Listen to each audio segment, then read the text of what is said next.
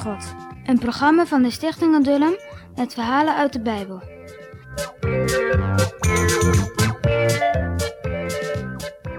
Volk Israël zwierf nog wel steeds in de woestijn, maar die veertig jaren waren nu toch bijna om.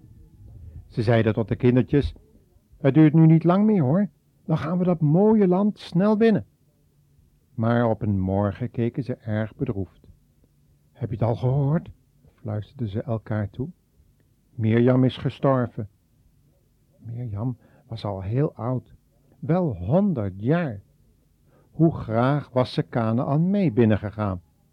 Nu nam de Heere haar bij zich in de hemel.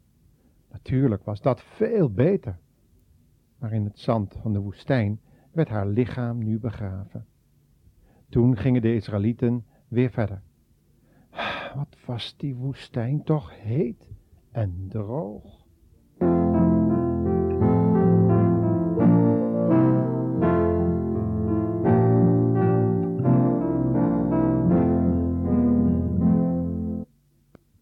Op een keer hadden ze weer geen water. Maar ze baden niet tot de Heere. Nee, ze bromden weer op Mozes en Aaron. Er is geen water, riepen ze. We zullen hier nog van dorst sterven. Is me dat een land? Waren we wel dood? Hoe durven ze zo goddeloos te spreken? En toch wilde de Heere hen weer helpen. Laat het volk naar de steenrots gaan, sprak de Heere tot Mozes. Maar je moet deze keer niet slaan op de rots, maar spreken. Dan zal ik water geven. Ze gingen allemaal met Mozes en Aaron mee naar de rots. Toen Mozes al bij de steenrots stond, hoorde hij wat ze nog durfden te zeggen. Jullie zouden ons naar het mooie land brengen, maar je hebt ons bedrogen. Had ons maar in Egypte laten blijven.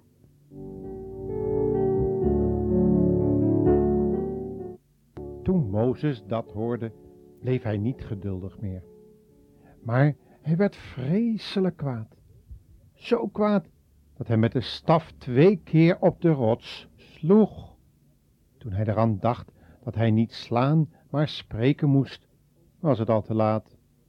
Hij wist dat hij ongehoorzaam aan de Heere was geweest. En aan Aaron ook, want die had Mozes niet eens gewaarschuwd. En toch scheurde die rots.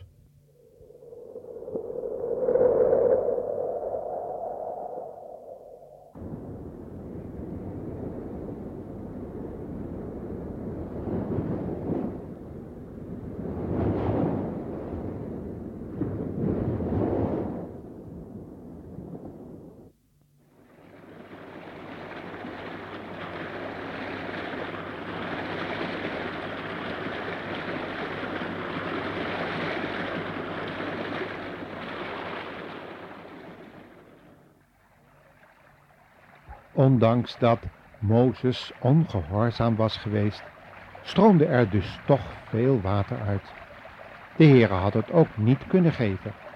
Maar dan zouden die ondankbare Israëlieten Mozes en Aaron hebben uitgelachen. En dat wilde de Heere niet. Maar ze kregen wel de straf. De Heere was boos op hen. En ook op Mozes. Je had moeten luisteren, Mozes. Je hebt niet gedaan wat ik gezegd heb. Daarom mogen jullie het beloofde land niet binnengaan. En jij ook niet, Mozes. Je mag het van de berg af zien.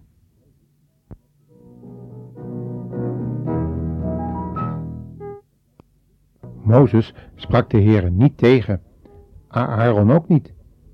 Maar ze waren wel erg verdrietig over alles wat er gebeurd was. Ze wisten dat het hun eigen schuld was. Ze waren ongehoorzaam geweest en ze konden het kwaad niet meer goedmaken. En het ergste vonden ze dat ze de Heere zo'n verdriet hadden gedaan.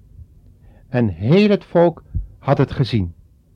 O, wat schaamden ze zich.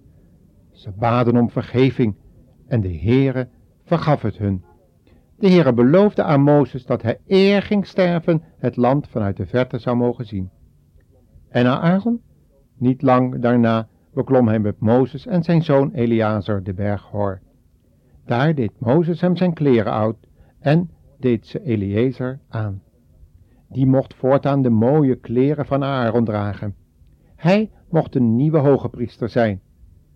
Toen stierf Aaron op die berg. De Heere nam hem ook bij zich in de hemel.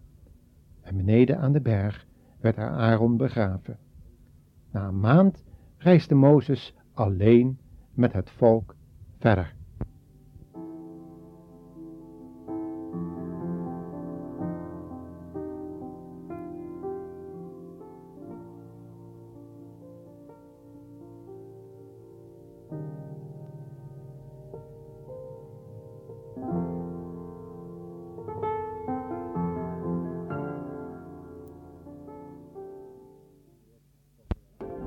En dan zijn we nu inmiddels aangekomen bij onze quizvraag. Niet waar?